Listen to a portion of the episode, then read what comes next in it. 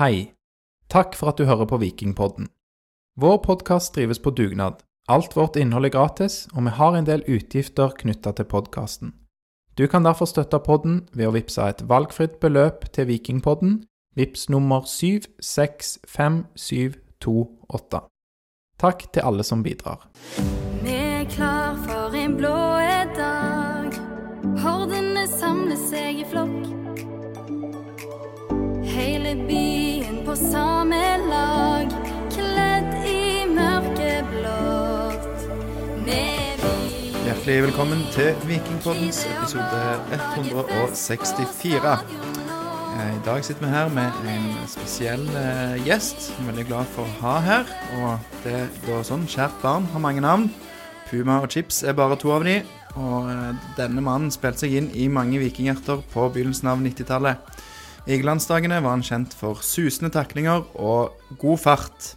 Nå bruker han denne farten med pekefingrene på tastaturet.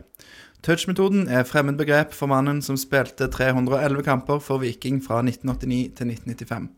Han har både cup- og seriegull, tredjeplass og europacupspill for de mørkeblå. Nå deler han ut ris og ros i øst og vest i sin egen blogg i Stavanger Aftenblad. I kveld skal han snakke om sitt yndlingstema, nemlig seg sjøl. Velkommen til Vikingpodden, Yngve Bø. Takk for det. Var det treffende? Ja, det var en grei intro. Eh, Jeg var vel like kjapp i hodet òg og i replikkene innimellom, men, men eh, likte å takle. Og når du hadde den hurtigheten jeg var så privilegert å ha, så var det ikke alltid du trengte å takle heller. Nei, Det høres bra ut, og den kjappheten i replikken regner jeg med vi vil få god nytte av i kveld. Ja, vi får se. Velkommen til deg òg, Aleksander. Takk for det. Ikke like kjapp i replikken og ikke like kjapp til beins, men jeg er med likevel. Ja, og ingen spesiell intro til deg heller. Nei, en dag så skal jeg bli så stor at jeg skal være gjest i en annen podkast, og så skal det komme en sånn lang, fin intro om meg òg, men eh, enn så lenge må jeg bare jobbe hardt og ha gjester i egen podkast. Det, er ikke- det er ikke ille, det heller. Nei, det er bra. Vi har mange kjekke tema. Det blir jo mye fokus på deg og din karriere. Men kanskje først skal vi bare avklare Er du her først og fremst som tidligere vikingspiller, eller først og fremst som eh, vikingblogger, eller som noe helt annet? Jeg er vel her egentlig ganske enkel og greit som han Ingve Bø. Og det jeg har vært med på, og, og, og det jeg holder på med nå. Så, så enklere enn det kan det vel ikke sies. Nei, jeg syns det var greit, jeg. Ja. Det er en, eh, en god blanding. Og vi kan jo begynne litt med det, for det er jo, det er jo der du er kjent fra, Ingve. Altså de som eh, er enda litt eldre enn meg, husker jo deg eh, godt. Jeg har jo måttet gå tilbake på YouTube og se gamle klipp f.eks. av Gullaget fra 1991 og, og sånne ting. Men det er jo da eh, denne forsvarsrollen din disse eh, Ble det syv sesonger da i eh, Viking fra 1989 til 1995? Det er det mange kjenner deg fra. Og de som er litt yngre, eh, da fra din rolle i, i Aftenbladet, der du dekker Viking nå til dags. Men da passer det jo godt med et spørsmål fra Knut Husdal, som heter at K. Husdal på Twitter, for han spør hva er best, å spille høyreback eller å skrive blogg? Jeg så den. Da vil jeg si midtstopper. ja. Ingen av delene. Altså, folk tror jo jeg har spilt back for det meste, men jeg har jo gjerne spilt uh, midtstopper uh, mest ganger i Viking. Før det, så, når jeg kom fra Vida, så var jeg jo faktisk uh, wing slash flankespiller. Så ble jeg omskolert litt på slutten der til back, eh, og i Viking så hadde jeg jo to og en halv sesong som midtstopper. Det var sånn det begynte. Helt til Ulf Karlsen kom, og så da ble han plassert på bekken. Han fikk det ikke helt til der, så ble jeg hevet ut. Så, så det var litt sånt, da, men, men, men uh, Altså, for et spørsmål.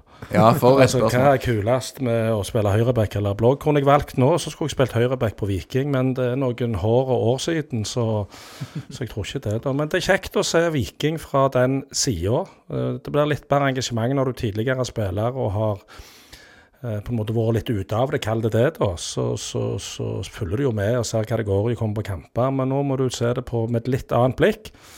eh, og analysere og tenke litt sånn så jeg ser fotball. Det er jo ikke alle enig med meg der, men sånn er det. Vi står i den. Det er kult. Men bare for å ta det, da. Du, eh, du drar litt på dette med høyreback fordi at du spilte mye stopper òg. Men grunnen til at han skriver dette, er kanskje nettopp fordi at du ble eh, eh, Ja, eh, det, som du sier, da. Ulf inn i Midtforsvaret, og du ut på bekken i gullsesongen i 1991. Stemmer ikke det? Det er kanskje den folk husker best. Men det var litt sånn motvillig fra de sida. Du likte best å spille stopper.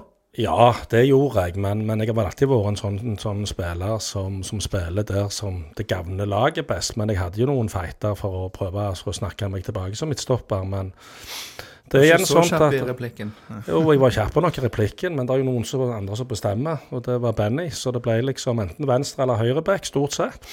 Vi hadde jo faktisk til å begynne med i 91, så prøvde vi oss jo med, med en trier bak. Uh, I noen kamper. Uh, da var vi jo tre, meg og Ulf og Roger. Det var ikke like vellykka sånn sett. Vi plukket noen poeng, men, uh, men, Viking var da, som jeg vil påstå nå, tryggere med fire spillere bak. Og Det har du nettopp skrevet en veldig god kommentar om i Aftenbladet. Det skal vi komme litt tilbake til, den parallellen mellom da og nå, og dette med å ha tre eller fem bak da, kontra det å spille med en, en firer bak. Du har jo vært blogger eh, fra Aftenbladet siden 2018. Eh, Starta der og hadde som ambisjon å være med på ferden fra eh, Obos-ligaen til toppen av norsk fotball sammen med Viking. Det er jo en reise, men du, ja, du klarer å holde, liksom, selv om det tar litt tid, du holder motivasjonen oppe. Jørgen Våge Eike lurer på hvordan liksom, du klarer å holde motivasjonen til å skrive, så det, Til å begynne med så er det jo sånn at du må finne litt Jeg eh, får ikke lov å skrive på dialekt. Det hadde jeg jo litt lyst til å få fram noen sånne litt sånne litt mer spektakulære ord. Men jeg får lov å bruke litt dialekt, altså noen ord og uttrykk. Så den første bøygen, når jeg ble spurt av Stig Nilsen i Aftenbladet om jeg hadde lyst til dette, for det var jo viktig, så var det jo eh, var lenge i tenkeboksen fordi at du plutselig skulle skrive, måtte skrive bokmål. Uh, så det var liksom det første par år, og så var det ikke tungt, men du måtte tenke mer for å få litt flyt og fart i det, følte jeg. Men så, så har jeg funnet noen virkemidler som fungerer greit for meg, som gjør at uh, du kan Det blir litt trykk av det likevel. Den hemmeligheten får dere ikke. men, men, men det, er jo, det er jo det å kunne få være litt tett på og egentlig synse litt om akkurat det som skjer nå. og Fotball er festkvære. Av og til så må du dra fram historier fra, fra, fra, gamle dager, og av og til så må du kunne sammenligne. Selv om gjengen som jeg ser på bilder her fra 70-åra, hadde jo vi på 90-tallet lekt med, og den gjengen som nå hadde lekt med oss. Men vi kan fotball, vi òg. Vi, vi, var nok eh, kanskje like raskere som spillerne var nå, og kunne skyte like hardt, men måten de spiller fotball på i dag, og, og flytter ballen seg imellom, der må vel til og med gjengen på 70 år innrømmer at vi hadde gjort det kjappere, og vi innrømmer glatt at uh, vår generasjon er nå flinkere å se på og synse. Mm. Det er jo fint uh, perspektiv å ha med seg, og det er jo, jeg syns jo du skriver veldig godt, og det er mange gode innlegg. Har du et sånn blogginnlegg som du som syns, tenker, ser tilbake på og tenker det var bra? Som regel de jeg syns er bra, får veldig lite likes. de jeg syns er bra sjøl. Nei, vet du hva, det òg igjen er ferskvare. Noen ganger så flyter det, og du føler at du på en måte får fram uh, essensen i, gjerne i kampen, og hva du mener og syns, og gjerne kommer med noen poenger ingen andre har tenkt på. Det er jo litt kult. Å kunne gjerne komme med noe som ingen av de andre forrektige journalistene har hatt. Uh, men egentlig ikke. Jeg har ikke noen som kan si 'wow, det var bra'. Eh, de som syns eh, Når jeg kritiserer ledelse eller trenere eller enkeltspillere, så er det en håndfull ganger to kanskje som alltid er fornøyde. Og de er like misfornøyde hvis jeg da skryter ja. av de samme. Men, men, igjen, fotball er for meg ferskvare. Det er den kampen som skal spilles nå, som betyr noe. Eh, hva lag som blir tatt ut, og hvem Morten og Bjarte har valgt skal starte kampen. Uh, det tar jeg egentlig på strak arm, og så må de begynne å spille. Så får vi heller ta synse underveis og finne ut om laget burde vært annerledes. Men det er det bare tull å gjøre før de har kommet utpå. Da støtter vi de elleve som starter, så satser vi på at det er godt nok. Så får vi ta drøsen i etterkant om det var riktig. Er det litt den der Stavanger-mentaliteten eh, som du refererer til, denne håndfullen som gjerne liker best å være misfornøyd? Er det litt sånn det, det er kjekt når Viking gjør det dårlig, nesten? Ja, det er noen sånne, men det, det er noen som Det er på flere områder i livet det som liker best å kose seg med misnøye, som jeg pleier å si. Altså, er det noe de kan ta tak i som ikke går helt på skinner, så er det Men jeg skjønner det jo litt òg, for å holde med Viking i dag. Det er jo litt jojo. Det er jo fra himmel og helvete, for å si det rett ut, i, i enkeltkamper. Men samtidig så er det sånn at uh, det er en lagidrett. Eh, trenerne må plukke ut de rette trenerne, må ha garderoben. Eh, spillerne må utføre. Og, og eh, ingen er på en måte bedre enn det svakeste leddet i et lag. Så, så her snakker det snakk om å dra hverandre opp. Eh, enkelt og greit. Det er da du får resultater. Og ja. Jeg har jo forstått, har jo forstått at du ikke digger sånn syting og sånn som det er en del av i chat. Det er vel kanskje Eller syting, jeg vet ikke om du vil kalle Nei, det men jeg elsker å fyre de opp. For det at de som syter mest, hvis du tar litt tilbake til de, så fortsetter de å syte. Og er du heldig, så er det noen av de andre som kjefter istedenfor meg. Eh, Men vet du hva, hele, altså jeg syns det er show at det er noen som på en måte eh, mener klart og tydelig at uh, treneren er drit, spilleren er drit, og hvorfor Jeg syns det er show. Det er engasjement.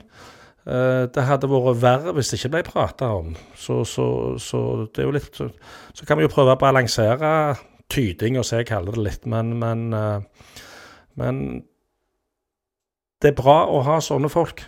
Og selv om at det, det er Det kan bli litt vel mye negativt eh, for, for min del. og jeg må fortelle en historie, for det er helt fantastisk. Hvis skal husker Iven uh, Austbø Jeg vet ikke om det var Det var 2018 de rykket opp, var det det? Stemmer. Ja, og da var det noen kamper i Bergen til å begynne med. Og da hadde Imen Austbø egentlig stått bra et par-tre kamper på rad, men han hadde noen uh, hadde hatt en blemme av to før. Og jeg husker ikke hvilket lag de spilte med i Bergen, men i hvert fall så så livechatter jo jeg. Sitter eh, hjemme i kjelleren og livechatter på denne her. Og så går der eh, en ball mellom hendene på Iben Austbø og i mål. Og da går det to og et halvt- sekund, så kommer det en avhandel på et halvt A4-ark, smukk inn på denne her, eh, chatten, så jeg hiver videre inn. Så denne personen da, han har sittet og hatt dette han har lagra, klar til første tabben i Austbø gjør. Og der kommer han smukk i sin helhet. Veldig bra. Det er gøy. Da er man forberedt der på Når han har forberedt seg på den første tabben som kommer igjen, skal jeg pike det ta og markere. Jeg lurer på om han hadde sånn på samtlige spillere klar. Da. Det hadde jo vært litt Ja, ja, ja. ja. mm. Ja, det var litt humor. Men uh, selv om det kanskje av og til føles sånn, særlig under kamp, så er jo ikke blogging og sånn chat en fulltidsjobb for deg. For det, du gjør jo noe annet òg. Hva bedriver du dagene med? Nei, jeg jobber nå i Gjelseth Computers. Det er et firma som driver med alt jeg pleier å si enkelt. Alt det dere kommuniserer med i hverdagen, om du er på jobb eller skole. Det vi sitter og holder på med her. Møteromsutstyr, eh, data, IT, skjermer, telefoni. Altså alt det, alt det vi kommuniserer i hverdagen, eh, kan vi på en måte hjelpe og bistå med. Så jeg er jo totalt grønn når det gjelder alt dette her. Men min jobb Jeg lærer jo litt hver dag, men min jobb er jo da òg å åpne litt dører rundt forbi og være i en del nettverk. og det, det er kjekt. Så gjelder det å åpne de rette dørene, og så kan du få inn de som er dyktigere på sånne ting, til å være med i møtene når så langt kommer. Så dere kan hjelpe oss i Vikingpodden å rigge et eh, nytt studio hvis det var behov for det. Klart det. Høres bra ut. Mm, det er godt å vite. Vi må ta en, en ting jeg nevnte i introen. Eh, kallenavn. Du har i hvert fall to, som jeg vet om. Eh, sikkert flere eh, i ulike miljø, men eh, kan du ta chips. Altså hvorfor, eh, Hvor kommer det fra? Det lurer Nei, det lurer bare jeg på, faktisk. Sikkert noen flere òg, Lars, men du lurer på det. Ja. Vi har selvfølgelig òg chips i dag. Ja, i. Meget bra. I, eh, før jeg begynte i Viking, eller når jeg spilte i Viking helt til å begynne med, så bodde jeg i, på Tjensvoll, rett på Tjensvoll senter, og der var det en Goggen-butikk. En En Goggen-butikk. Goggen-butikk i gamle dager. Ja. Eh, For eh, det var en del. For de som er på en måte på min alder, vet hva jeg snakker om. Men det var en butikk. Eh, og da mente, mente jo Benny Jeg har alltid hatt håndtak når jeg spilte, som jeg kaller det. Liksom ned på ryggen og litt sånt ut, så jeg har hatt håndtak. Det hadde jeg uansett hvor godt trent jeg var. Og det mente jo Benny var at jeg spiste for mye drittmat. Og da mente han at chips var tilgjengelig liksom, i, jeg bodde så nærme en butikk.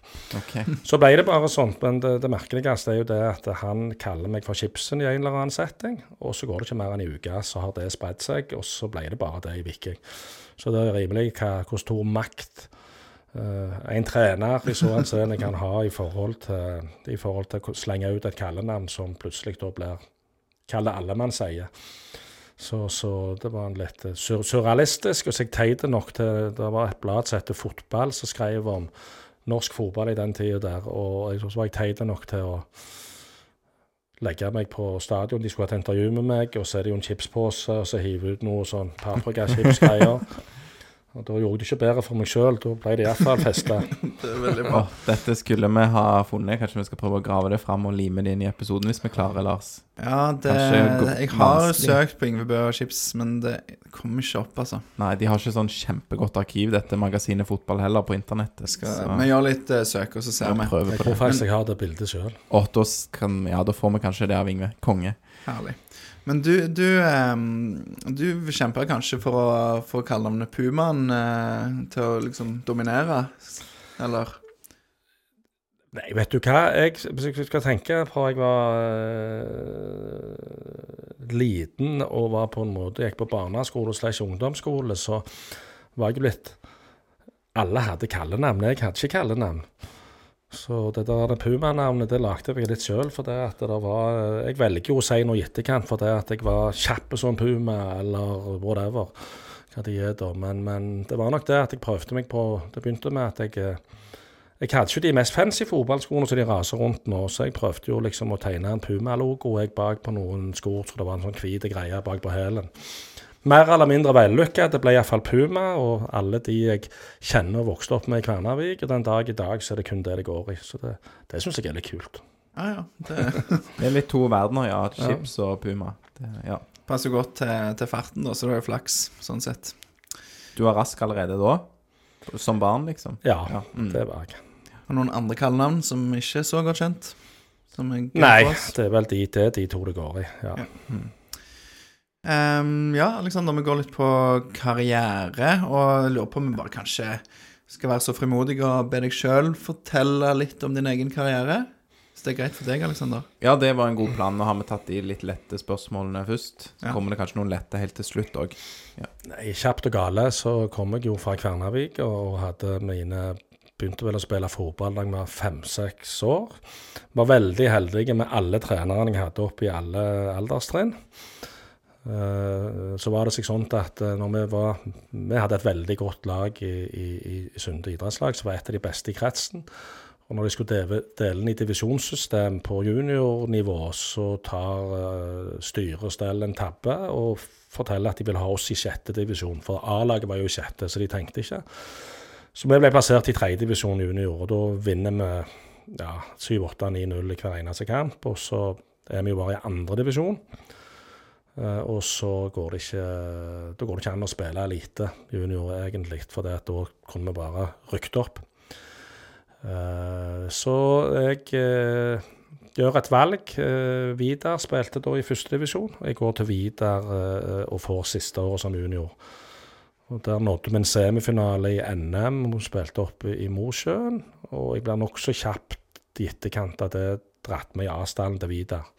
Som var rimelig stort, stort da, for det, det, det var jo den tida Vidar var i førstedivisjon, og kanskje var blant i flere ja, sesonger på rad blant de 15-16 beste lag i Norge, og hadde kvalik noen ganger. Og sånn så det var veldig, veldig veldig nærme å rykke opp til, på elitenivå, da. Men det ville seg ikke helt. Bare for å ta det også, da. Når du da går fra eh, Sunde til Vidar, da er du rundt 18 år, stemmer det? Ja, det er andre års junior, så 17 slash 18. Jeg husker ikke så langt tilbake. Ja. Mm, ja. Men eh, er det Altså, du har jo vært da mange år i Sunde, og Mm. ganske mange år i Vidar òg. En seks sesonger, eller noe sånt? Det var vel seks sesonger, det tror jeg. Altså 2-83 til og med 88. Og så syv sesonger i, i Viking. Føler du deg nå som en, eh, en altså Du er fra Kvernavik, men Sunde-gutt, Vidar-gutt, eller Viking-gutt, sånn fotballmessig? Nei, jeg vil dra med alle. Det er på en måte Altså, jeg har blitt forma ifra Tøffheten det, det du måtte ha for å vokse opp i Kværnervika. Eh, Jeg har vært på et lag i Vidar, veldig gode spillere, trenere, og, og eh, som på en måte dro meg opp til å kunne ta steget til Viking. Nå var det seg jo sånn at eh, mm, når jeg da allerede har skrevet under på Viking, så var jo Viking og Vidar i samme divisjon. Men jeg trengte et miljøskifte, og, og ringer sjøl til han som var sportslig leder i Viking den gang da, Audun Johannessen, og stammer ut at jeg kunne tenkt meg å skifte miljø hvis dere har lyst å så jeg er interessert. Så bare la jeg på røret og tenkte at det, når du sitter der med hjertet i halsen og ikke vet helt hva det går i, så, så Men så gikk det ikke lenge. Så ble jeg opp, oppringt igjen bare en liten halvtime, og så ville Benny ha møte med meg da. Kult. Og, og mange vet jo da kanskje at du eh, vinner cupgull med Viking i din første sesong i 1989, men som Ja. du sier at før dette så var jo Vidar og Viking i eh, samme divisjon for dette miraklet i Haugesund. Eh, det husker sikkert mange av våre lyttere ikke, da, men det er jo at Viking sliter jo med å, å rykke opp og få et sånn mirakel på tampen av sesongen. Og det er i 1988, stemmer ikke det?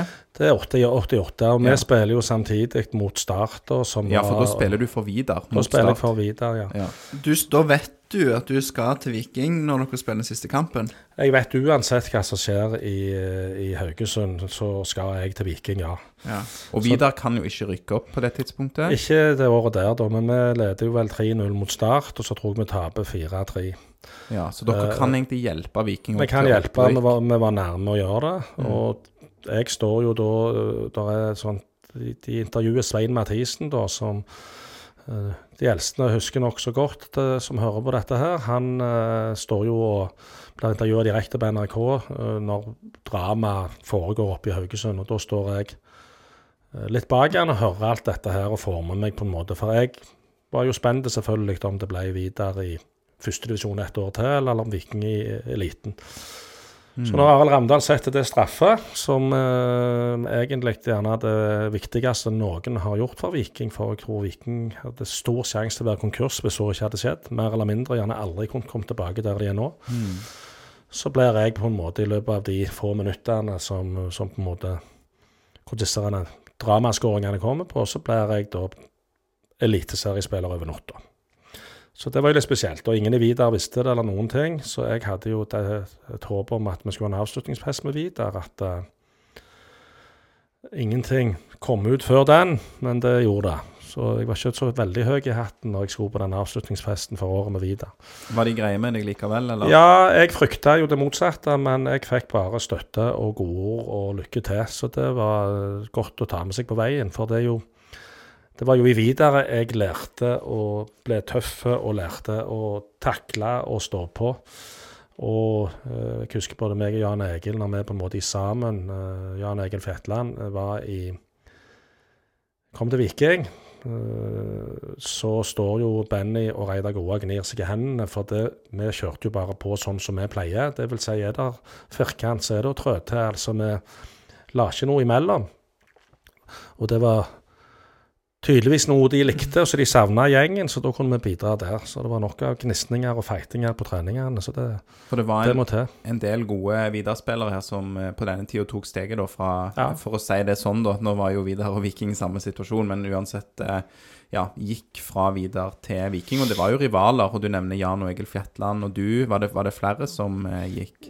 Ja, og har andre veien òg. Altså, både Tonning Hammer og Einar Sæbø går jo andre veien. Er med på et av de lagene som holder på å rykke opp i Vidar. Så, så det var litt begge veier, dette her, da. Men eh, Hvordan var de økonomiske musklene til de var det, Hadde Viking en fordel med økonomien? ja, herremann. Det var jo ikke nærheten. Altså, Selv om de holdt på å gå konkurs? Ja, når jeg raste rundt med en sånn Vidar-bil, så trodde alle det at Vidar var så rike, men sannheten var jo det at den leaste jeg sjøl. det var en god leasing, li, god leasingdeal, og det var nok for oss. Og de som hadde betalinga i Vidar, det var to stykker. Det var Jan Egil Fjetland, for de ville alle klubbene i Norge ha. Vi andre hadde ikke ei krone. Kan vi bare ta litt på det? Det er kanskje noe som er ukjent for flere, men eh, det var jo Jan Egil Fjetland var ganske sånn eh, nede på jorda, kan vi si det, og var ikke kanskje de mest sånn sultne karrieremessig, stemmer det, eller var det Nei, Egil og altså Jan, var, Jan var jo en sånn litt spesiell type sånn sett, da. Men, men han, han fikk være med å vinne cupfinale med, med Viking, så var han fornøyd, han. Eh, Egil var, de var litt annerledes. Jeg er ikke enige tvillinger og sånt noe sånt. Men, men altså, respekt for Jan. Altså, han gjorde det han hadde lyst til, og syntes det var greit med det. mm, Og så fortsatte han å trene unger etterpå, som var viktig for han. Så det uh, Mm. Men vi kan ikke disse folk som er annerledes, vet dere. Nei, nei, nei. Ja, absolutt ikke. Og det er jo, man skal ha det gøy med Ja. det man gjør òg. Ja. Ja, men vi, vi kommer oss jo til Viking. Eh, der opplever du mye. Jeg lurer på om vi kanskje håper at vi snakker oss gjennom karrieren din i Viking gjennom spørsmålene. ja, det har jo kommet Jeg har bare lyst til å si en eneste ting om det. For det at eh, jeg har jo denne her, eh, samtalen med Benny, mm. eh, og da han tar eh, Ser meg som en erstatter, altså backup til Svein Fjellberg. Og så lurer han på om jeg syns det høres greit ut. Så sier jeg nei. Så ser han litt rart på meg. For han var òg back, ikke sant? Svein Ja. Fjellberg. Ja. Ja, hvorfor ikke det, liksom? Hvorfor ikke? Nei, for jeg skal spille. Og det er liksom den innstillingen jeg har hatt uansett, i alle lag. Jeg, har, jeg, har ikke, jeg, har ikke, jeg spiller ikke i Vidar eller Viking for å sitte på, på benken, uansett om det var et step opp og det ble elite. Så det er en sånn innstilling jeg alltid har hatt, og den tror jeg òg har gjort at jeg spilte såpass mange kamper på egentlig få sesonger i, i Viking.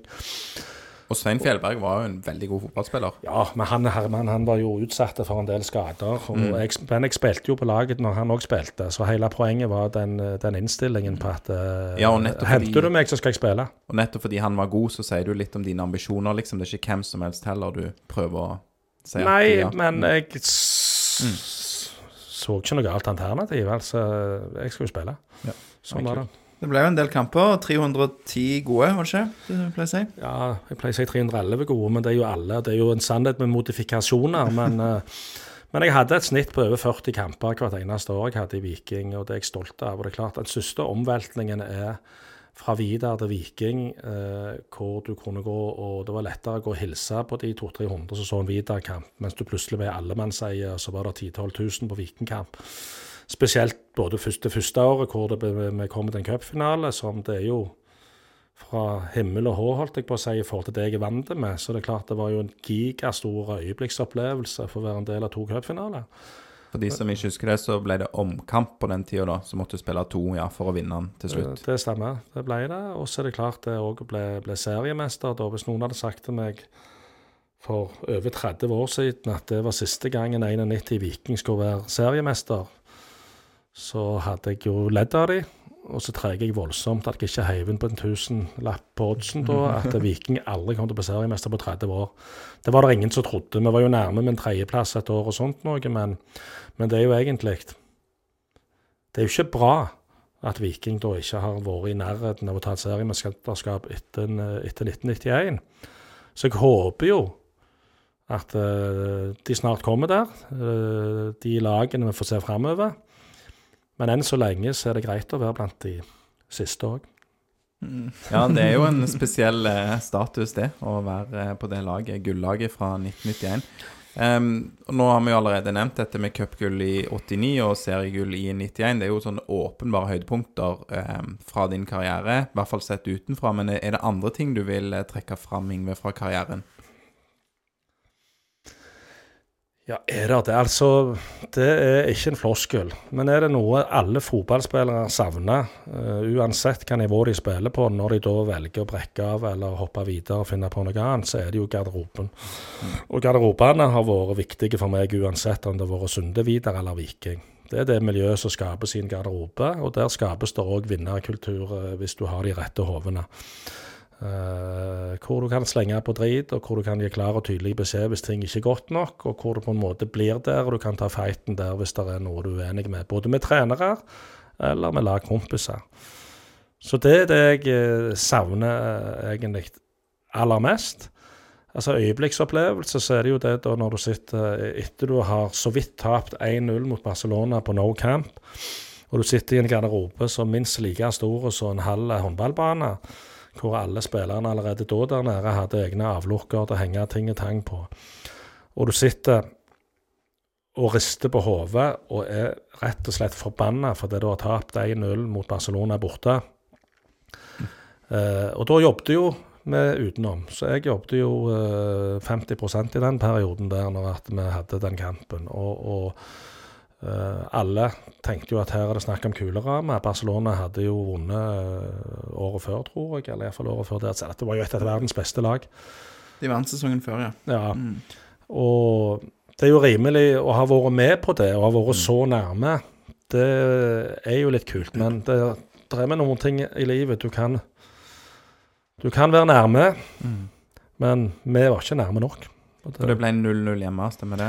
Ja, da er jeg forbanna på Bjarne Berntsen ennå. For 0-0 hjemme. For vi hadde full kontroll defensivt. Vi skulle bare ha det målet for å få ekstraomganger. Og i den tida der så var det ikke lov å ha stadionur. Det er det gjerne ikke nå heller. For det at de som eh, Dommerne i Europacup og sånt noe skulle ikke bli på en måte prest for å se på stadionur eller sånt noe. De, de skulle bare styre tida sjøl. Og da har jo vi krefter igjen, og jeg likte jo å være offensiv. Jeg spilte jo back i de kampene, og, og plutselig blåser dommeren av. Da er jeg faktisk fly forbanna fordi vi ikke fikk anledning til å dra ut de siste kreftene, eventuelt gå på et 2-0 eller gå på et 1-0-tap hjemme òg. Fordi det var jo bare snakk om å komme opp i skoene og prøve å få det ene målet. Så Ble litt for passive på slutten, rett og slett. Ja, men eller vi fikk ikke beskjed hvordan landet lå. Eh, Dette er returoppgjøret, sant? så da har dere 0-1 i sekken og Ja, vi skal bare ha et mål, og så får vi eventuelt ekstraomganger. og Det var egentlig to jevne kamper. Uh, Vi bør vel vinne Barcelona med et par- par-tre mål, hvis du ser på sjansene. Men sånn gikk det ikke. Og da gir ikke i denne returkampen Bjarne Berntsen ordentlig beskjed da, om hvor Det er min mening, og det tror jeg jeg har sagt til han òg med et par anledninger. Og iallfall òg vel skrevet om det i en av bloggene mine. Men, men det er sånn sånn som sitter akkurat den kampen der. For det er jo en øyeblikksopplevelse og surrealistisk at eh, jeg jobbet med ventiler jeg på noe som heter TechTrade den gangen, da, og skrudde halve dagene og holdt på, og så er du i ferd med å kunne være med og vinne borte mot et av verdens beste lag. Det er jo en opplevelse vi ikke glemmer. Var han litt umoden som trener her, Bjarne Berntsen? For dette var hans første sesong da som eh, vikingtrener. Han var umoden, men han, eh, han eh, Eller bare feig? Alt er relativt. Du kan si på hvilken måte du vil. Da. Det er jo eh, det, det man egentlig nesten svarer på sjøl. Men det er klart det at eh, Bjarne som trener og, og, og leder har jo som vokst han òg ifra når han spilte sjøl på, på slutten av eh, 70-, begynnelsen på 80-tallet. Og har jo hatt masse roller i Viking på, på det. Han har vel omtrent hatt fingeren med i hver eneste sesong Viking har på en eller annen nivå. Når Viking har vunnet noe eller tatt en bronse eller et eller annet, så har han vært med på omtrent alt helt fra 79. Så det er klart, men han har jo lært noe på veien. Det er jo ingen tvil om at han, han var på en måte en bedre trener eh, på slutten, vil jeg påstå. Med Mm. det, det han får ut av gjengen når de rykker opp, eh, ikke minst. Og får, et, eh, får cupfinale. Eh, Selvfølgelig med god hjelp av alle andre, men det tror jeg. At han Han ble bedre, ja. Hvem er mest sta av deg og Bjarne Berntsen? Nei, det jeg tror nok han er jævlig sta, men det er jeg òg. Nei, han er sta, han. Bjarne visste hva han ville. Både han visste med alt med økonomi og hele pakken opp gjennom. Og han har nok Han har nok redda Viking mer enn jeg har gjort som forsvarsspiller, iallfall.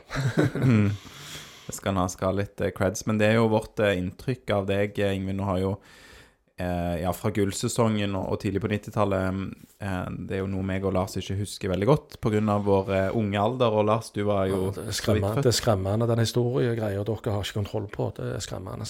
Vi har jo Jeg syns vi har grei kontroll til å ikke dere, har, vært dere har lest dere opp nå, det er derfor. Ja, og Kanskje, vært på kanskje. YouTube og sett på klipp og, um, og forskjellig. Og det, Aftenbladet og TV Vest hadde jo en veldig kjekk serie òg om eh, gullsesongen 1991, som var lærerikt for eh, Jeg var jo to år på det tidspunktet, jeg si, så jeg kunne jo ha huska noe, da. Men ja, nei, ja. men du, du er unnskyldt. ja. Um, men uh, ja, vårt inntrykk av deg fra den tida var jo at du var kanskje litt sta. Du, uh, du var en som ga, ga tydelig beskjed, og du snakket jo litt om det med dette med garderobekulturen òg. Du la ikke noe imellom, du, som spiller. Nei, og det er gjerne der jeg syns enkelte ganger at dagens eh, Noen av de iallfall er litt vel snille verbalt, eller gir tydelig beskjed til, til en dommer på tidlig tidspunkt. De gjør det gjerne òg, men jeg hører det ikke der jeg sitter. Men, men litt sånn mer tydelig. Litt, jeg savner litt mer dra-til-tryner på en fotballbane og i en garderobe. For de trengs i alle lag, og det er de som kan eh, i enkelte ganger få, få, få litt fart i gjengen, rett og slett. Så, så Og Da svarer du litt òg på dette spørsmålet som vi òg har fått av Knut Husdal, om fotballspillere er blitt for pinglete. Altså, blitt for pinglete Tja, vil jeg si. Det er jo jækla mye mer eh, det, det går i her nå med dagens fotballspillere. Det er jo inntak, og det er jo søvn, og det er trening, og det er restitusjon, og det er jo ørten forskjellige altså fysioterapeuter altså De har jo alt tilgjengelig. De springer med pulsklokker. altså De har det er jo en helt annen hverdag. altså De, de som er nå, er jo virkelig profesjonelle. Det var jo ikke vi. Uh, Pinglete er gjerne litt feil å, å kalle det, altså, eller gjerne òg, men uh, de bruker litt for lite, litt triks i ludo for å vippe motstanderne av pinnen, en del spillere, syns jeg. Nå er det gjerne litt urettferdig mot Kevin Cabran, siden han skal til Stabæk, men han er en sånn type som Bjarte og Morten forteller er så dedikerte på treninger, er så fokuserte på å bli bedre, eh, gjør alt det han skal. Eh, og de har vel uttalt flere ganger at han har på en måte den skikkelige fotballkroppen, på en måte som andre gjerne bare kan drømme om. Men han bruker den jo ikke. Så det å dunke litt eh, i spillere, det å ta ut folk i boksen, altså være litt uh, mer kyniske. Men det er gjerne for at jeg var sånn, så alle skal jo ikke være sånn som meg. Men, men det, det er noe jeg ser på så jeg kan savne litt den der uh, fanivoldske kynismen som gjør at du får et poeng eller tre. Det var vel noen eh, vi snakket med Lars som akkurat trakk fram Sebastian Sebulonsen, som var en som var veldig sånn, sånn som bruker, som har litt fotballkroppen, og som bruker den. Og kanskje, kanskje, som du sier da, Ingvar, at Kevin Cabran har forutsetningene, men ikke the smartness, da, på en måte. Ja. Ja, eller hodet. For det at eh, du kan ha så mye talent du vil, og være så god du vil, men hvis du ikke har hodet liksom, til å på en måte gjøre det litt ekstra, altså bruke det litt ekstra, altså viljen eh, Det er vanskelig å beskrive, da, men, men, men det er liksom eh, Ja, det å kunne ta ut det litt ekstra og, og, og gjerne Kall det feite og takle deg inn i kampen. Altså, Vi har jo mange feinsmekkere på Viking som, som da, når at ballen glir vår vei, er, er kjempebra. Men den der er til å jobbe deg inn i en kamp hvor du egentlig er litt ute fordi at du blir vippet litt lett av pinnen og dunket i noen dueller og sånn, ja. At det, og det å ta opp den hansken og smelle på i neste duell og vise at dette gidder ikke være med på lenger, det tror jeg er en rettesnor egentlig for alle uansett.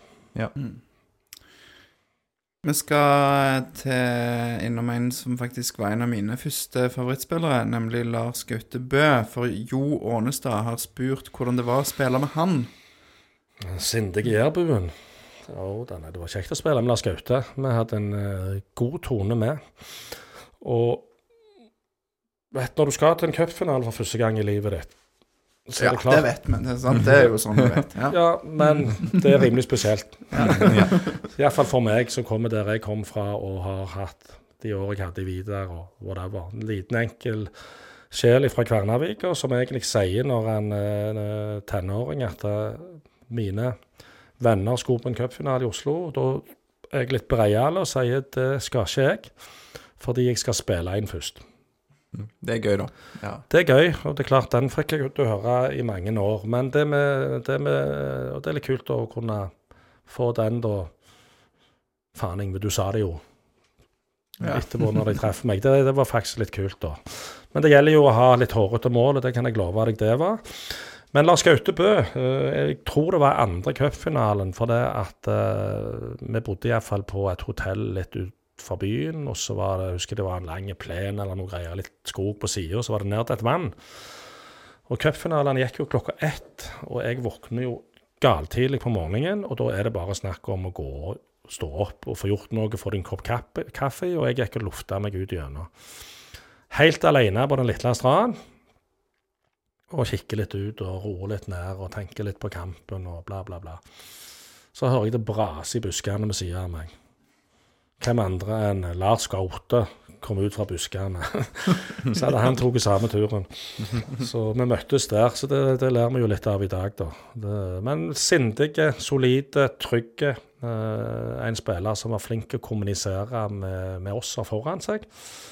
og det er jo alfa og omega i en keeperrolle å, kunne, kunne egentlig plassere Forsvaret sånn som du vil, for å få mest mulig eh, enkle vinkler sjøl, og ikke minst til å hjelpe Forsvaret til å ta ut folk. Det, det, er jo keeperen som ser best, i og med at han er bakerste ledd og kan styre de foran seg. Så der var det Skaute gode. Og resultatene hans i periodene han har egentlig har vært i Viking og blitt henta tilbake igjen eh, her, Jeg husker ikke hva det var da, men det, det sier jo sitt. Han spilte vel til år 2000, og så som du ser var inne på um, der, Ingve, så var han vekken. Mm. To år, eller 93 til 95 var han i Varhaug, og så kom han tilbake igjen i 96, Ja. står det her på Mm. Wikipedia. Og det er fra den andre perioden da jeg husker han. Jeg var født i 93, så da ja. Ja. ja. Nei da, så viktig å ha solide keepere som kan prate med Forsvaret og spre trygghet på den måten, og det var Lars Gaute. um, Ta et spørsmål om en motspiller òg her, Lars. Ja, Jo Ånestad som lurer på hvordan det var å spille mot Tore André Dalum. Det er vel òg en sånn kjent navn for mange, men um, jeg vet ikke om det er noen spesiell historie der. Nei, men han var jo slepen. Han spilte jo først i eh, Kristiansand eh, og i Start. Da møtte jeg han eh, en del ganger, og òg når han var i gikk til Rosenborg. Så han var jo en målskårer av rang, og, og, og var flink og egentlig tima og skyte på volley og you name it. Eh. Så det var jo en vanskelig motstander, og spesielt Start føler jeg i den tida der hadde et veldig bra lag når han spilte. Så, så Men eh, tar de litt på ankelen uten at dommeren ser det, så, så har du overtaket. Vi må komme litt inn på det kanskje nå òg, for det mener jeg jeg har lest i en annen sammenheng. Alexander, du kan jo kanskje ta det neste spørsmålet her. Eh, ja, litt altså bare med ehm, Nå ble jo han eh, Totto Dalum, da, som han kaltes, ble jo trukket fram her av Johanstad. Men er det sånn at det var um, Var han høyt oppe på en liste over eh, verste motspiller, eller har du en sånn verste motspiller? Det lurer igjen Knut Husdal på. Som du har møtt. Nei, men generelt så likte jeg lite å spille mot de som var en god del mindre, sånne små litt som kunne snurre rundt, liksom. Altså de som var litt uh, Du ikke fikk helt tak på. ja. Mm. For de, var, de bare dabbet rundt. Men nei, egentlig ikke. Jeg eh, syns Jeg er egentlig til bedre de var, eh, og mer markerte de var, og om det var landslagsspillere og sånt, til kjekkere syns jeg det var. Laudrup. Ja, det var, det var ikke kjekt i første omgang. Jo da. Men eh, den historien med Laudrup er jo Jeg spiller jo mot en landslagsving jeg i første omgang i Barcelona og har full kontroll. Og så hiver de han der klang- knallen Michael Laudrup over på min side. Og det er òg en historie. Og han var jo en av verdens beste fotballspillere, han òg i den tida, sammen med en del av de andre. Så han kommer gjennom på min side, og så går han forbi, og så skal han finte en innlegg, og da har jo jeg selvfølgelig tatt han igjen. Og hiver ut taklingsfoten, og så drar han han tilbake igjen. Og så drar han, og jeg tar han igjen igjen, og så tar han og finter innlegg med høyre. Og så drar han han tilbake igjen. Er tre ganger. Og da så slår han inn til slutt, da. Og det er det jo mange som husker. Jeg kunne jo sikkert vært oppe i pølsebua og fått med meg noe på veien, eh, og litt sånn forskjellig, men uh, det er to, når, man, når han da velger å legge inn, så er jo hele forsvaret intakt. Hadde han lagt den første gangen, så kunne det blitt en målsjanse. Det vågte han ikke, for jeg tok han igjen. men det var en sånn gang. Jeg er ikke stolt av det sjøl, men det er en ærlig sak. Han tenkte jeg han kanskje jeg slite med i 45 minutter. Skal vi ha en fair sjanse her, så Jeg var litt uheldig borti han litt. Så han gikk ut. Så da var det, da var det safe, resten. Så, Var det- sånn var det. Det var jo flaks at det var et lite uhell der, da. Ja, det var, det Ja. var flaks, det. Men det, det, da igjen er vi bortpå kynisme. Mm. Du trenger ikke gjøre det så Det var ikke noe stygt eller noe sånt, men det var nok. Mm. Ja, nei, den eh, skulle likt å se. Eh, Får sikkert sett den kampen i opptak. Ja, jeg, har jo ennå, jeg sliter jo ennå med luskene da etter den kampen mot han, da, så jeg fikk strekt det i alle vinkler. Så. Men så sier jeg det, for det er mange som skal mobbe meg på det. For det, denne her husker jo folk, og det må de vel gjøre. Så da sier jeg bare ganske lakonisk Jeg er grævlig stolt at jeg har vært og spilt to kamper mot en av verdens beste fotballspillere. Hvor mange av dere har det? Ja, da er det ikke så lett å si så mye til det. Eh, Asbjørg eh, 90 1992 på Instagram lurer på eh, lurte på det med verste motspiller, men vil òg vite hvem som var den beste medspilleren. Ja, hvem var det? Eh, jeg har flere, egentlig. Altså, og jeg eh, Hvis du tar Vidar, så var det Einar Sæbø. eh, som kunne takle og ja, var en god lederfigur. Og han var jo en av de som òg spilte i Viking, og, og, og som jeg spilte med noen år eh, i Vidar. Eh, ellers er det flere, egentlig. Det, med Kent Chris Christiansen, når Kent spilte høyreback og jeg spilte eh, midtstopper med siden av han, så hadde vi egentlig full kontroll med de Rosenborg var i det beste laget da, hvor du hadde Mini Jacobsen annet, som spilte venstreside. Og Mini Jacobsen sa jo det en gang at eh, i etterkant av en kamp, jeg tror vi hadde vunnet, så, så var det noen sosiale greier. Da traff vi jo hverandre, hvis det var overnatting og sånn. Så sa han det at den verste spilleren han spilte mot, var jo Kent pga. hurtigheten. Og hvis han en eller annen gang skulle klare å komme forbi han, så var jo du der. Så han sleit en del mot oss pga. hurtigheten, som var, var vår forse. Så, så jeg sier Einar Sæbø i, eh, i Forsvaret i, i Vidar, og, og så sier Kent i Forsvaret i Viking. Og så den desidert beste spilleren jeg har spilt mot som ikke er forsvarsspiller, eh, som har spilt med, er Jan Fjetland. Mm. Han var en Ole Gunnar Solskjær-type, bare mye raskere. Ja. Og kunne skyte på samme måten når du forventa det, eller når du ikke forventa Denne Den hadde på en måte en sånn slepen måte å bestemme seg sjøl for når han skulle skyte, som gjorde at uh, både forsvarsspillere og keepere ofte ble tatt på senga. Så Jan Fjetland, som dere nevnte sist, kunne egentlig, eller tidligere, kunne egentlig kommet så langt han ville. Men igjen, du må ville. Og han, det var som du sa da vi, vi nevnte, og han var fornøyd med å ha vunnet cupgull med Viking. Han var fornøyd. Greit at Benny visste han skulle ha hjelp et år, og da var han veldig nærme å kunne være med. Jeg vet ikke om det var 91 og på en måte hive seg innpå igjen, men da gikk det et eller annet at det var for seint i forhold til noe overgang eller et eller annet. Så han var på vei inn i Viking en periode til. På sommer-høstsesong. Husker ikke helt hva tid det var eller hva år det var da, men, men han er den desidert beste. Ja, han hadde alt. Og um, han var, var postmann, og det var sånn der slagord om han. Og det, sånn postmann har levert varen, eller noe sånt. Er det Det husker jeg ikke, men ja. han var fin, vet du. For det, han var ikke sånn som andre og brukte mye penger på å gjerne gå til byen og ha det kjekt og hyggelig og bruke opp de få kronene du hadde. Han, han var postmann og sparte penger. Så jeg, eh, det ble sagt av Benny at de prøvde jo det meste for å få han til å fortsette, da, men Og hevde jo lønna, men da sa Jan bare helt vet du jeg har nok penger. Om. Spilte han lenge i Vidar da, etter han eh, gikk fra Viking? Gikk, gikk han 1989, husker du det? Ja, jeg husker ikke om han spilte noe på A-laget til Vidar, det, det vet jeg ikke. Men han, han gikk til å trene guttene i gata og aldersbestemte lag. Det Ja. trives ikke han med. og det, det, Noen må, må gjøre den jobben òg, så det er nok mange som har hatt den. særdeles dyktige fotballspillere som opp til på treningene i regionen som han var fra. Og vi snakker jo her om en mann som faktisk eh, takka nei til landslaget for han skulle klippe plenen. Det er òg en sannhet med store modifikasjoner. Det er en historie så lett å lage. Det var nok ikke helt sånn. Men uansett, sånne historier er jo kule å dra fram som sanne. Ja. Og som du er inne på, han hadde kanskje ferdighetene til å ha spilt på landslaget, da. Ja. ja han, øh, igjen, dere, dere så jo hvordan øh, Altså, Ole Gunnar Solskjær starter jo sin karriere omtrent samtidig med at Jan slutter sin. Eh, og jeg sier det at øh, Jan var en uh, Ole Gunnar Solskjær-utgave, bare mye kjappere. Mm. Så, så, så klart det. Han kunne nådd så langt han ville. Det vet han nok egentlig sjøl òg, men sånn er det. Hvem var den beste straffeskyteren, eh, Ingve, av deg og Odd Arne Espevold? Det var meg. Hvorfor eh, var det det? Var Hvorfor får vi dette spørsmålet, Ja. lurer jeg på. Nei, jeg lurer, jeg lurer jo nei, jeg, jeg lurer på hvorfor dere fikk spørsmålet. Så Jeg så jo at han satt noen straffer, jeg òg, men, eh, men eh, Du var forsvarskollega av deg i Viking.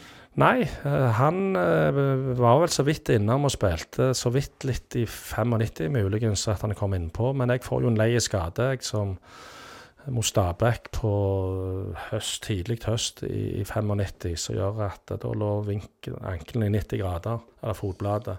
Uff da. Så da fikk jeg fornya kontrakt med Viking, og Viking eh, Det var jeg jo litt forbanna på, og egentlig irritert på, for jeg hadde jo som sagt, eh, som jeg sa tidligere, jeg spilte jo et, et snitt på jeg tror det var rundt 4-45 kamper i året, så jeg var alltid tilgjengelig uansett. Lite skader, ja. Ja, eller kjente ikke kjente iallfall ikke så godt etter. Mm -hmm. uh, så det var litt kjipt. Men da tar jeg et år i Bryne bare for å vite, vise at jeg kunne komme tilbake og foten holdt. Og det er jo da Odd Arne etablerer seg Jeg mener det var da han etablerte seg, i 96. Mm. Så, men altså, han tok gode straffer, han. Men viktigst er jo å skåre. Var du fast straffeskytter for Viking? Ikke til å begynne med. Det var litt variasjoner. Arild Ramdal tok jo straffer. eh, Roger Nilsen, og så ble det meg til slutt. da. Så når eh, de hadde gjort sitt, så, så var jeg fast eh, straffeskytter etter det. God, god uttellingsprosent hadde du òg? Ja, jeg har ikke brunnet et obligatorisk straffe, tror jeg, i Viking. Det var noen som sier at jeg har gjort det i en eller annen kamp, men da har jeg i så fall fortrengt det. Mm. Så, så det gikk som regel greit. Og Ja. Benny sa jo det en gang at eh, Det får være hans ord, da, men at eh, jeg satt straffene, for jeg forsto ikke konsekvensen av å bomme. det kan godt være, men eh, straffene skulle jo inn. Apropos eh, Benny her. eh, Knut Husdal etterlyser noen Benny-historier. Ja, er det noen Benny-historier? Det er jo mange eh, sånn sett, men det er ikke altså, noen, altså, Jeg snakket om det garderobegreiene tidligere, at uh, det er jo noen historier som skal bli der, som er våre, som ingen får dele. Det, Bortsett fra her. ja, bortsett fra her. Nei, altså, Benny-historier, det, det Jeg kan si noe så uh, Når Benny da forsvinner fra Viking, i min periode, så var det faktisk greit. Og det går på det at da har du på en måte kjørt under samme treneren x antall år. Det har begynt å bli litt kjedelige treninger, og det kan det gjøre om du har verdens beste trener. Så akkurat i den perioden så var det greit at han eh, egentlig forsvant, for min del. Han ga seg på topp etter dere vant gull i 91. Ja, Mm. så men det var egentlig greit. Og det ble gjerne litt feil med, med, med Jeg tror ikke bytte med han tidligere eh, spilleren som har vært i Tyskland litt sånn forskjellig. Det var jo ikke vellykka. Byttet med Lars Nøkland var ikke vellykka verken for han eller for Viking, eller for meg, uten å dra noe mer på den. Men, eh, men eh, Altså Det Benny var unike på altså det er ikke noe sånn, Jeg har ikke noen sånn forferdelige historier å dra opp om Benny, men det han var unike på, det var jo å finne roller til spillere eh, som du ikke hadde tenkt på sjøl.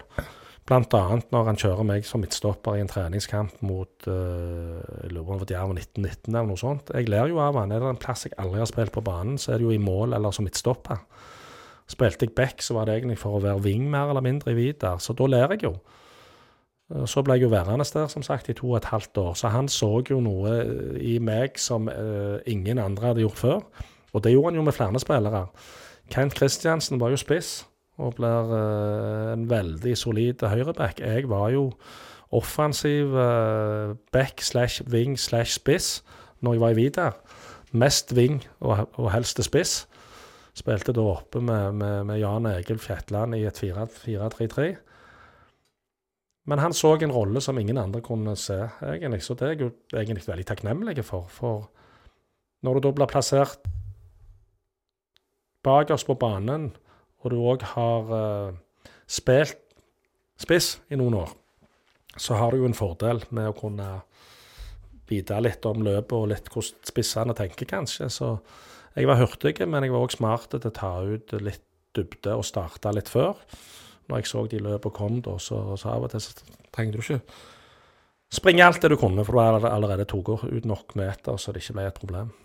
Så, men, men akkurat det med å med å finne uh, hvor skal de forskjellige som jeg har til rådighet, spille henne, der var Benny unike. Mm. Høres ut som dagens trenerteam kanskje har inspirasjonen sin der, da, med alle disse kreative løsningene forrige sesong. Det, da var det jo litt av hvert. Vi skal komme til det. Bare for å ta kjapt på det òg. Altså, Arne Larsen Økland tok jo over da for, for Benny, som du var litt inne på. Eh, og det var, bare noen, var det bare noen få kamper han fikk i 1992, før det var kjente og nevnte Bjarne Det var Berntsen? vel til sommeren ca. En Jeg halv husker sesong, ikke helt Halv sesong var det. Ja. Og det er klart det at når du, er, når du da skal overta et lag som eh, seriemester, Mm. Så skal du ikke gjøre mye feil eller feilvurderinger eller få noen på trynet som gjør at det på en måte blir litt eh, gnisninger mot spillergruppe eller hva som helst. Eh, Så det er jo ikke lett å hoppe etter Wirkola.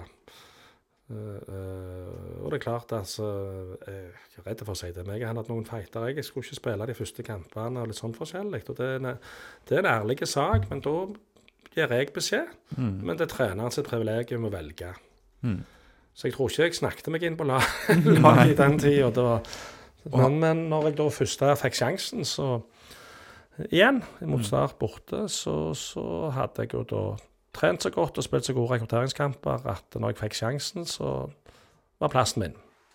Mm. Og det mm, han, han Lars Nøkland er kanskje også bedre kjent da, for mange i andre roller i Viking, for det har han vel hatt etterpå som eh, Ja, ja, meg og Arne er gode venner med, og han Ja. skjønner jo meg som tidligere fotballspiller at jeg var forbanna. Det skjønner han jo den dag i dag fordi jeg ikke fikk spille. Sånn skulle det bare være. Så, så vi hadde jo noen friske fighter og, og sånn. mm. Men, men, men sånn må det være, og sånn er jeg. Altså godtar, godtok ikke Kall det ting jeg syns ikke var riktige. Mm. Så, så må du jo uansett eh, Da blir du degradert, da må du spille på rekrutteringslaget, og da må du være best på rekrutteringslaget for å vise igjen. Sånn som gjør at når det nye laget skal plukkes ut, så er du nærmere. Mm. Og hvis du tar og jamfører det med sånn som det er i dag, så ser ikke jeg det. Jeg, eh, de som da eventuelt spiller på rekrutteringslaget, eller som fikk sjansen nå mot KBK, selv om KBK er et jæklig bra lag som sikkert rykker rett opp igjen, Mm. Så ser ikke jeg at eh, de som da får muligheten til å vise seg fram, tar sjansen nok. Og Mm. viser reelt at jeg skal være med, jeg skal spille på den eleveren som starter. Og jeg i min tid, altså, det, det er jeg egentlig stolt over. Jeg gjorde det på rekrutteringskampene. Da var det jeg hadde en sjanse til å vise at jeg fremdeles er god nok. Og da nytter det ikke med noe halvslakke treninger eller ikke vise igjen.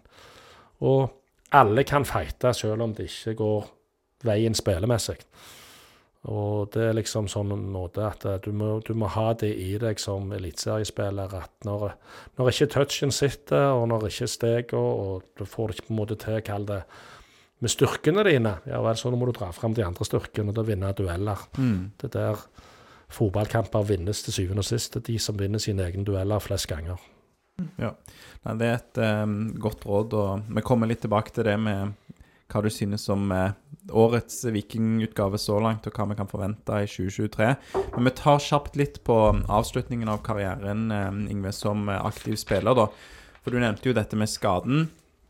Du fikk i 1995. Eh, da ble det ikke ny kontrakt. Da var du vel eh, 31 år på dette tidspunktet. Og 30. 30, ja. Ehm, og da lurer jo bl.a. Eh, Stig Norheim på eh, hvorfor gikk det så mange år før han fant ut at Bryne var klubben i hans hjerte, og tok et klubbskifte? Det sier han som kun har spilt i Bryne.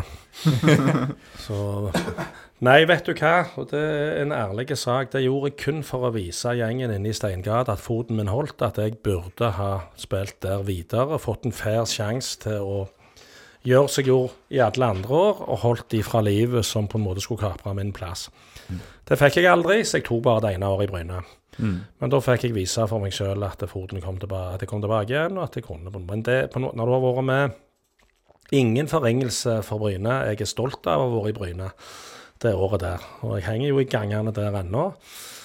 Men øh, det er jo blir en nærtur for meg. Det var jo bare, Jeg skulle bare vise at foten holdt. For det er klart, når du har kommet fra et cupmesterskap, et seriemesterskap, så er ikke det å spille i Obos med Bryne bølgen.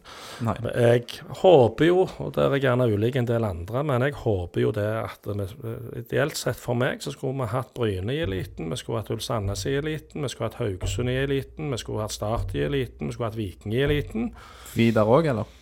Ja, Vidar òg. Nå er det synd at de har havna der de har hendt. Men jeg, jeg tenker Få liksom fotballhegemoniet i Norge få, få på en måte en, en, en gjeng her som kan ja. En god klan som kan Det kunne jeg tenkt meg. Så må det være mye mer kjekkere å altså, reise til Sandnes eller til Ulf eller til Kristiansand eller til Bergen. Nå har jo Brann kommet opp istedenfor en kjip Ålesundstur. Så Støtter det skulle jeg tenkt. Masse mer lokal, spennende lokaloppgjør. Ja.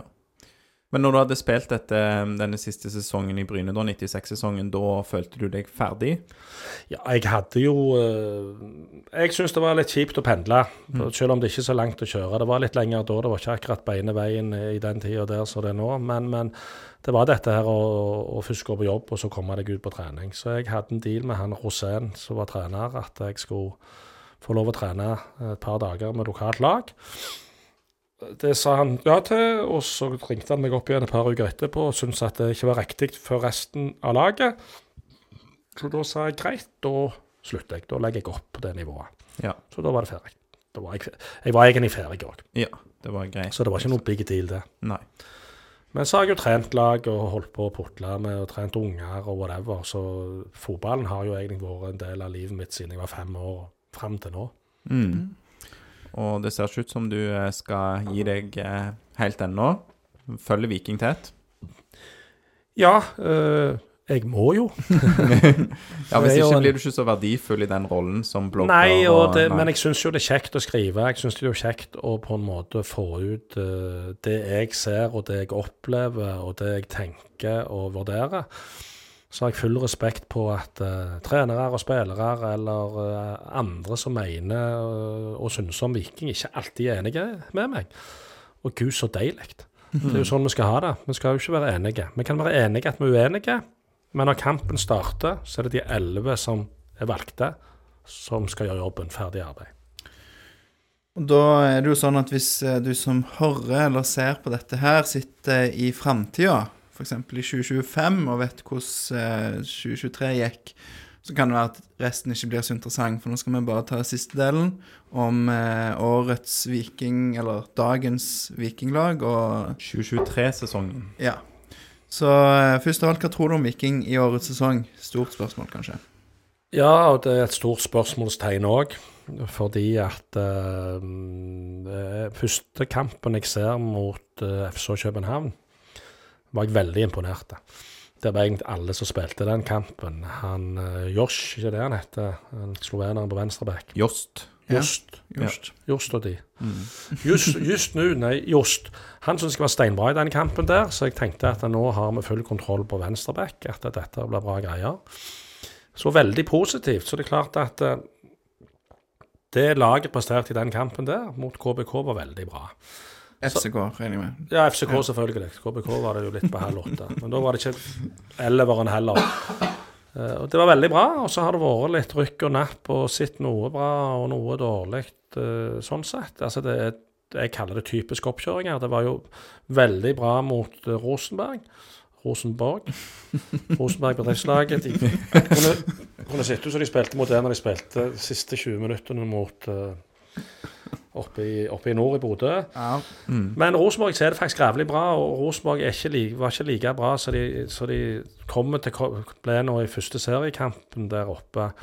Men Viking var òg veldig på og gjorde de dårlige. Vi må se litt bak resultatene òg. Alle var påskrudde, alle jobbet.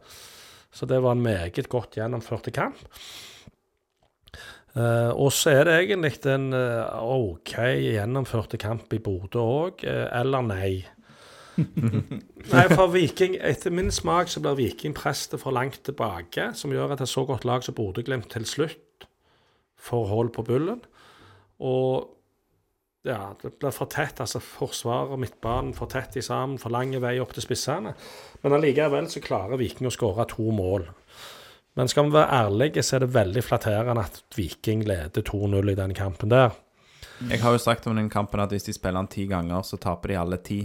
Sånn så det ut for meg. Er Det har jo alle hørt i 100, episode 163 allerede. Liksom. Ja, ja. Så jeg, men jeg repeterer meg sjøl. Men vi skal ikke ta så mye, mye, mye om akkurat det, da. Men, men hele poenget er jo det da, at når du leder 2-0, og så skal du kunne ta grep som gjør det at du vinner den kampen med pause. Eh, men allikevel uheldige bytter. Noen var uheldige som kom innpå, whatever. Men, men, men, men, men Bodø-Glimt er i en annen verden enn Viking akkurat nå. De har mye mer spillere å ta av, eh, og de maler bare på. Og ikke minst så har de valgt sitt 4-3-3. Ingen rokker med det. Bare for å ta akkurat det, for du skrev jo nettopp en veldig god kommentar i Aftenbladet, og der var overskriften om det ikke ble friske diskusjoner, er det virkelig fare på ferde, der du sa litt om, eh, om tilnærmingen til denne kampen. og hva, hva tenker du om Viking sine stadige formasjonsbytter og tilnærmingen til kampene? Er, er trenerne for kreative? Det kan du si. det er klart, Her, her er det to scenarioer. Hvis du tar den Bodø-Glimt-kampen, så har du det at Viking har kommet eh, tilbake med gode resultater, eh, borte med 3-5-2. De har òg nå en kamp nå i oppkjøringa hvor de da velger å spille 4-3-3, hvor Bodø-Glimt eh, vinner med et feilaktig idømt straffe. Hvor Viking er minst på høyde. Eh, Men, men jeg tror det er De har, har vel òg tapt alle disse bortekampene, har de ikke det? Selv om de Ja, har de hadde spilt ua- hadde greit. uavgjort 2-2 en gang, mener jeg. Da skårte Berisha begge målene, og da hadde Ja. de samme tilnærming. Men, de har, men den forrige var jo litt lik i hermetegn den som eh, Ja, på høsten i 2022. Ja. ja. Mm. eh, Men det er jo eh, Det er jo det å kunne stå i den formasjonen du på en måte har tenkt å spille i òg mot gode lag, hvilket Bodø-Glimt har gjort. Eh, I min tid, når at Rosenborg var det beste laget, de vant serien gang på gang, kjørte det samme systemet når de kom ut i Europa, fikk på trynet og fikk beskjed om at de var ja, de var ikke taktiske nok, de var ikke kloke nok. Men jeg, Nilsson Eggen sto på, sto på, sto på. Til slutt så blir det jo det at Rosenborg gjør det jæklig bra i Europa. De fortsetter å spille helt likt. De er ikke på akkord med det de selv hadde bestemt. Selv om det bytta mot en periode Selv om de fikk mange på trynet ute i Ja. Europa. Men så til slutt så snur dette her, og så begynner de å få sedvanlig gode resultater. Eller usedvanlig gode resultater. Så, så, men det er en balanse. Eh, jeg liker best en firer bak, uansett hvor du snur og vender på det. Jeg liker ikke tre bak. Da blir det ofte det at eh, de som da er eh, flankespillere, blir òg trygt tilbake. Hvis du spiller på så godt lag som Bodø-Glimt, og da er du faktisk fem bak. Og Når du sier flankespiller, da er det, er det wingbackene, da? Wingbackene, ja. Ja. Eller de som spiller jo 3-5-2, de som på en måte du kaller wingbacker, de skal jo òg være opp langs Mm, sidene. Men ja. de blir, wingbackene blir jo da ofte trykt tilbake til wingback, og da har du tre midtstoppere. Og så har du da tre på midten, og, og, og ja. Og gjerne et par oppe, eller kanskje ikke det engang. Men du blir trykt sånn tilbake. For det, altså Vikings forsvar for noen år siden var jo jæklige kontringer, og du blir trykt sånn tilbake òg at eh, du får ikke så mange av de. Nå fikk jo Viking to i den kampen, som resulterte i to mål. ene etter Kørner og, og den første som Salvesen spiller gjennom til Tripic, som var jæklig bra. Eh, Så, så, så, men at Viking leda 2-0 til pause, det var jo egentlig ikke Vikings feil. Så der mm. håper jeg og tror at de nå har lært, eller at Viking skal prøve å bli den beste utgaven av seg sjøl. Så han sier han i Kompani Lauritzen, hvis noen følger med på det istedenfor å ta for mye hensyn til motstandere. Du kan ta hensyn til enkeltspillere som, som på en måte eh, vet er ekstra gode. At den som på en måte borti han spilleren på midten som dominerer, han må midtbanen hogge litt ekstra på hver manns i nærheten. Eller se at han liker veldig godt å gå inn i banen og skyte. OK, nå hindrer man i det. Han, whatever. Det må du jo alltid gjøre. Uh, men, men eh, Men ikke Men hele laget, ikke hele formasjonen, ja. Ja, for det kan skje i den formasjonen de kjenner. U altså uansett. Jo, det kan det. Og, og som sagt, jeg liker best fire bak. Og hvis du da skal bli trygt tilbake for å trygge en seier, så, så kan du gjerne spille 4-5-1 òg, da. Men lufte laget lenger ut. Altså, altså være en trussel og, og krig, liksom, istedenfor å bare for et, et Gode lag de vil til slutt få kjørt seg rundt på sidene kommende imellom, hvilket skjedde i den kampen der. Jeg tror at det er det lært av. Jeg tror ikke at vi vil se en trier bak i Viking. Jeg syns ikke spillerne i Viking er gode nok til å ha en tre motstoppere heller. Vi i min tid, uansett hvor lenge siden det var, vi hadde òg tre gode midtstoppere.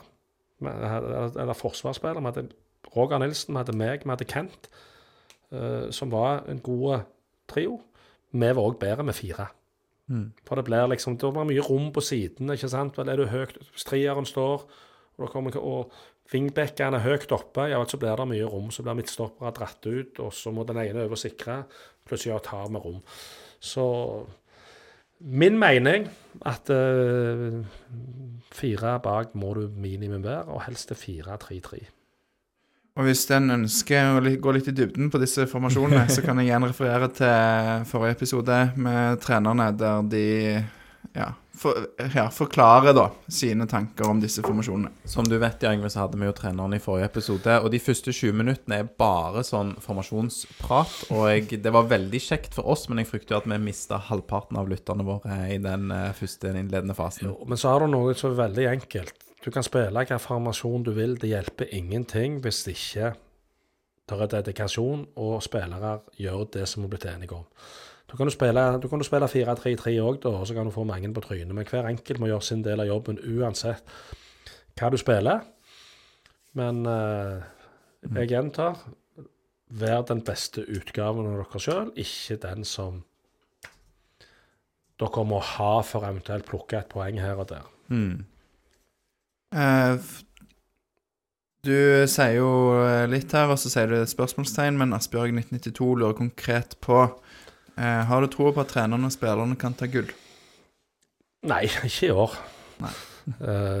Fordi at jeg mener at mm, de Hekkans gullkledde der oppe i nord er såpass mye bedre enn alle lag i Norge, egentlig kanskje med unntak av Molde akkurat nå, har sykt gode erstattere i alle ledd, altså kan stille bortimot med nesten ja, to gode elver. Så det, det tror jeg det, det altså, Du skal aldri si aldri. Det var ingen som trodde vi skulle bli seriemestere i 91 heller. Men, men jeg ser på Bodø-Glimt og Molde som to lag som kom mye lenger enn de andre. Jeg tror òg hvis det Brann starter, av alle ting, hvis de starter bra, får med seg publikum der oppe, så kan de òg gjøre det meget bra. Eh, men hvis jeg skal si sånt at eh, du har Bodø-Glimt og Molde som på en måte blir uh, nokså garantert, hvis du kan si det i fotball, tar medaljer, så, så kan egentlig hvem som helst andre, eh, kanskje med uttak av de eh, noen få lag, da være i den rett bak disse lagene. Tredje til tiendeplass. Jeg har ikke snøring. Viking kan godt ta medalje i år, de. Eh, da gjelder det jo å være tro mot en spillestil. Da gjelder det på en måte å, å ha alle mann alle disponible og, og få gang på alle nye. Som jeg synes jo det altså Salvesen er jo kanonpositivt offensivt. Det samme er han Nick Augustino. Eh, Just var jo bra, så han må jo bare komme opp og, og nikke litt. Grann. Altså, Harald Elsen Tangen har uh, hatt veldig mange kamper som har vært veldig bra i hele oppkjøringa. Jeg syns da hele midtbanen egentlig svikter mot Bodø-Glimt. Og det var gjerne de som i utgangspunktet er, skal være de beste vi har. Så det er nok å ta tak i, men, men det blir jo spennende. Så det er sesong med fotball. altså. Nå har vi røket ut i cupen, men cupfinaler skal ikke spilles i mai, så den driter vi. Eh, og så er det nye ny cup som vel drar i gang etter hvert, men det er jo er og blir serien som det viktigste. Og spent på hva x antall bortekamper vil gjøre for Viking, i og med det at de graver opp uh, plenen eller plasten nå og skifter den. Eh, Kanskje ideelle tid å gjøre det på, for da får du bortekamper når lagene det ikke har satt seg helt i, noen, i noen mennesker. Så, så. Men alt kan skje. Det er, fotballen er av og til jækla runde. Det gjelder å få en god start. Og hvis du får en god start, så må du fortsette den etter 17. mai. Da eh, satser vi på det. Vi går veldig mot slutten. Tar bare et par kjappe her til slutt. Ja, eh, er- er det sånn at du har delt ut eh, saftig kritikk til juksemakere før, bl.a. i forbindelse med den stolpeflytningssaken i 2022, Yngve? Ja, det synes jeg, sånn noe syns jeg er kult. Altså det å flytte på banen eller frem og tilbake, det er altså eh, Ærlig fotball og det å dunke litt til i dueller og sånt noe er helt greit, men, men eh, jeg har jo også sett litt internasjonalt noen som går og spenner på et straffemerke fordi de skal få problemer. Altså Nei, det har jeg null respekt for. Mm. Hva syns du er den verste formen for juks i dagens fotball? Det er faking. Mm. Altså det, det er når at du ligger og vrir deg så du skulle ha blitt nedspent, og ingen har vært borti deg omtrent. Altså du prøver, prøver liksom å Altså, du jukser til deg straffespark. Altså, du hiver deg når det ikke er noe. Det er bare en sånn liten på En liten touch, og så ligger du stiv. Det er ærlig fotball, Mm. Uh, tenker jeg. Uh, så trenger du ikke jords på å holde deg på beina hvis du virkelig blir tatt. Ja. Det er jo en annen sak, men, men det, det er forskjell på det å hive seg med, med vilje. Mm. Det syns jeg er det verste.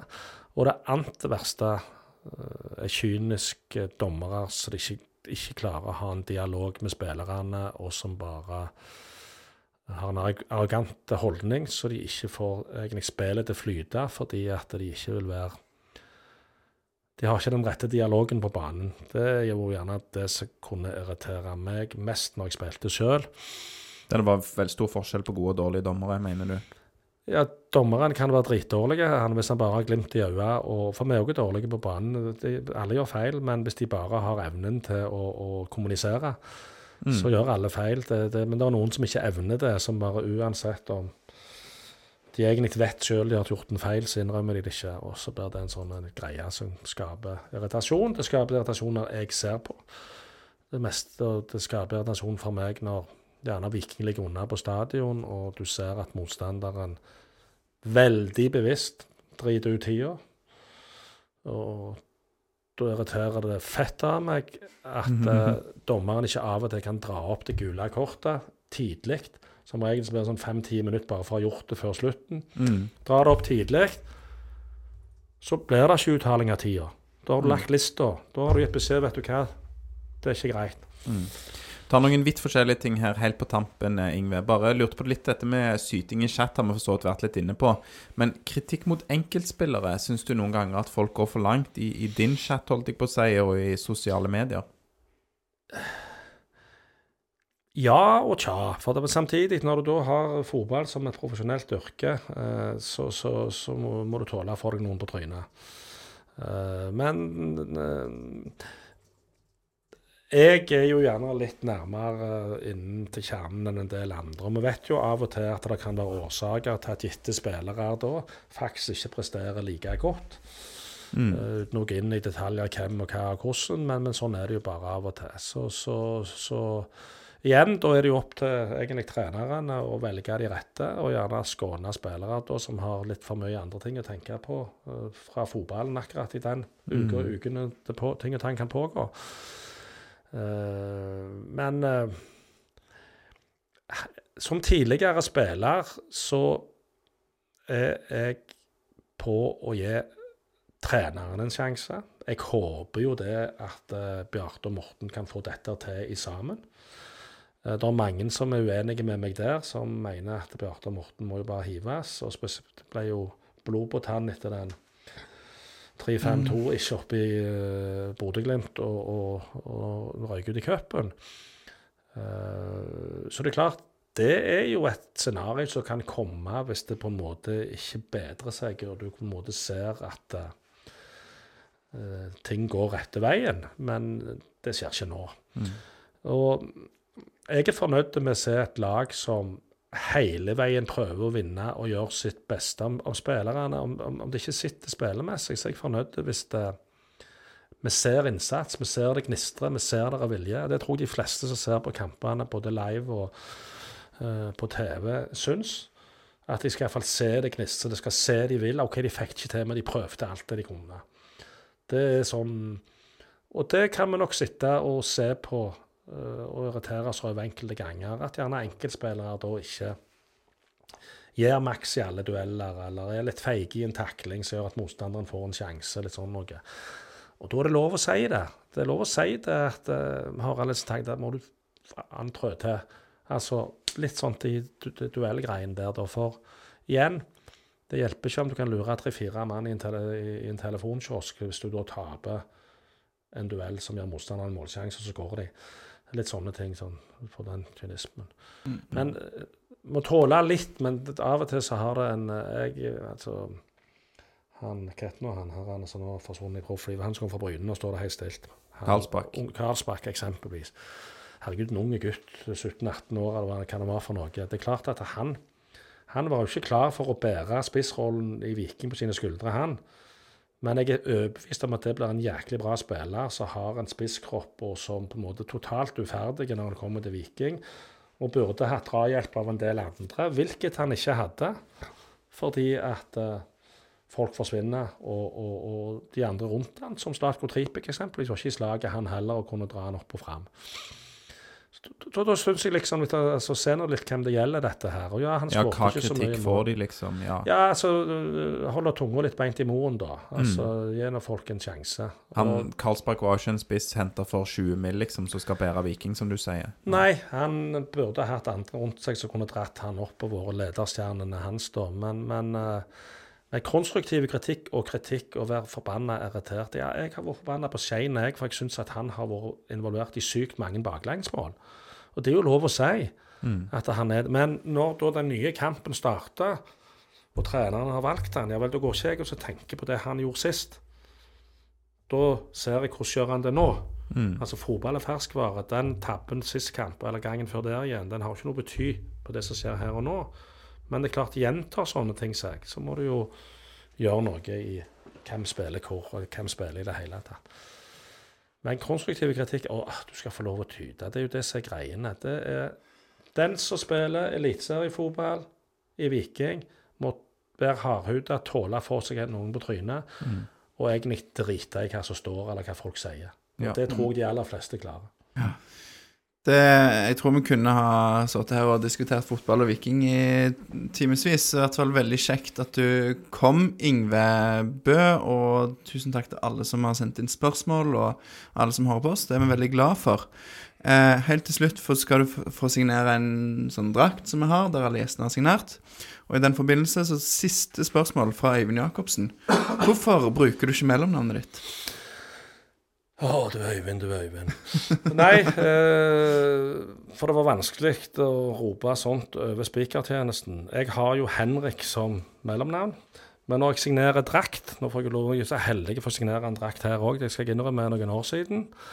Men da skriver jeg alltid Ingve H. Bøe. Men eh, hen, å bruke Henrik på autografskrivning, det blir vel langt. Så Så det er ikke noe mer enn det, altså.